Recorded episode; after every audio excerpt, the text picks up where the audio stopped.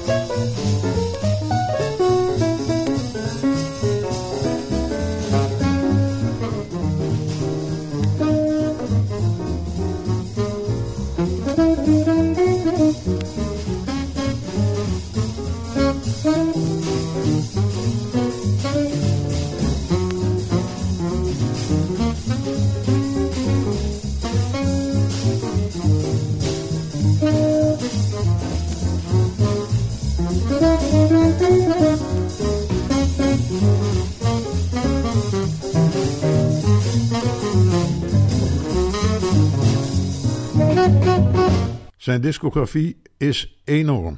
Genoeg om een heel jaar Stan Getz te laten horen. Vandaar vanavond een greep uit de enorme nalatenschap. Zoals de opname met trombonist J.J. Johnson, pianist Oscar Peterson, bassist Ray Brown en drummer Connie Kay. Hier komt Billy's Bounce.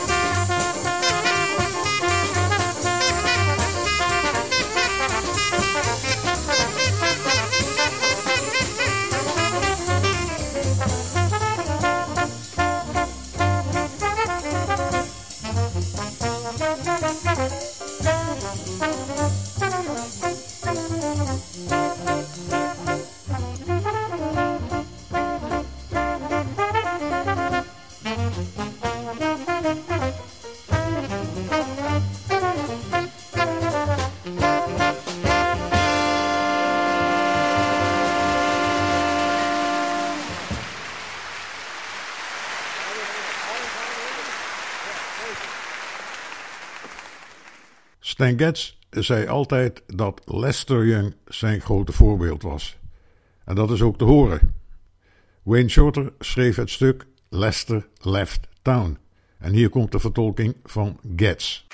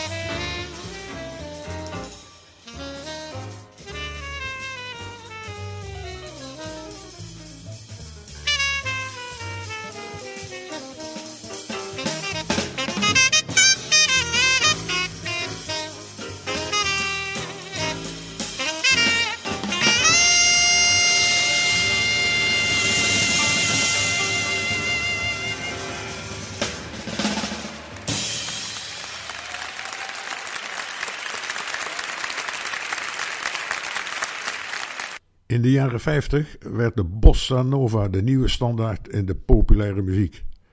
Getz was samen met gitarist Charlie Bird, zangeres Astrud Gilberto en componist Carlos Jobim de aanstichter van de bossa nova rage.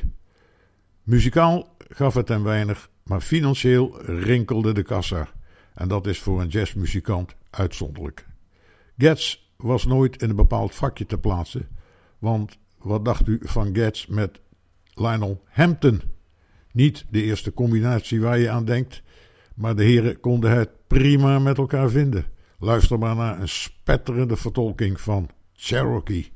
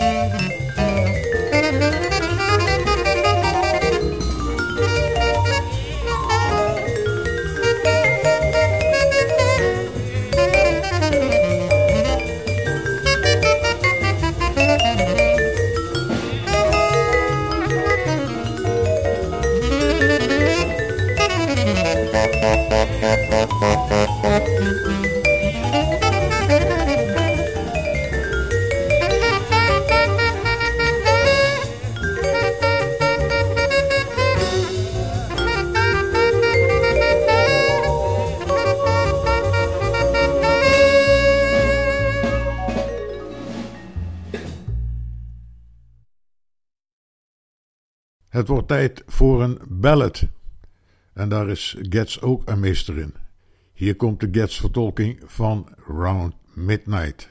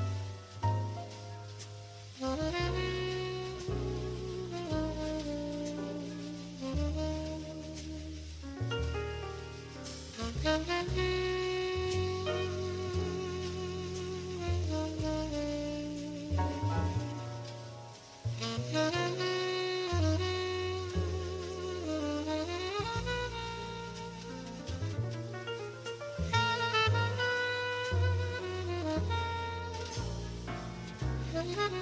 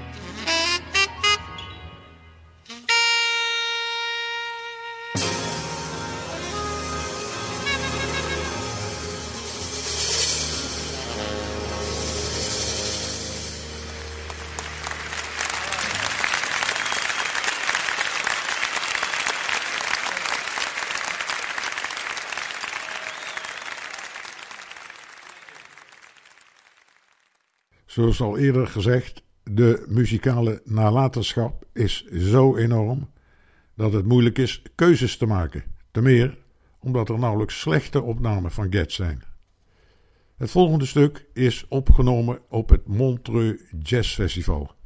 Hier was Getz in het gezelschap van bassist Ray Brown, drummer Ed Thigpen en de Zweedse pianist Jan Johansson. Hier komt Wouldn't you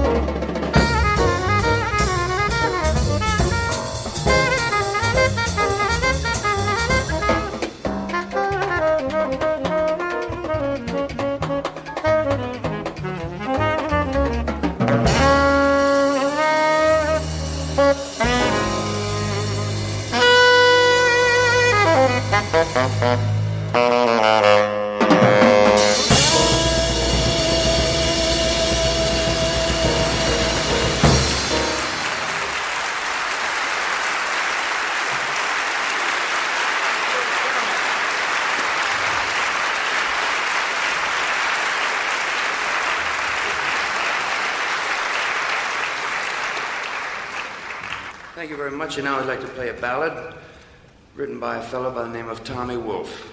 And he calls this ballad Spring Can Really Hang You Up the Most. Getz maakte in 1953 een album met trompetist Chad Baker. Twee heren die muzikaal helemaal op dezelfde golflengte zaten. En dan krijg je dit: Yesterdays.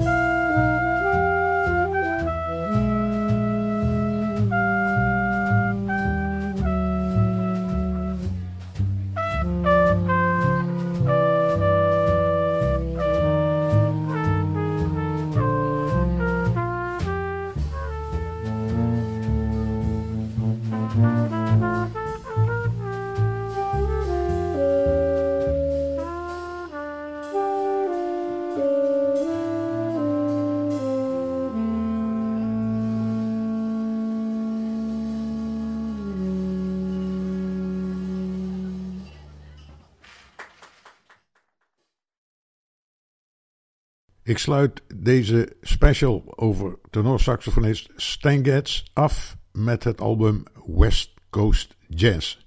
En dat is precies wat het is.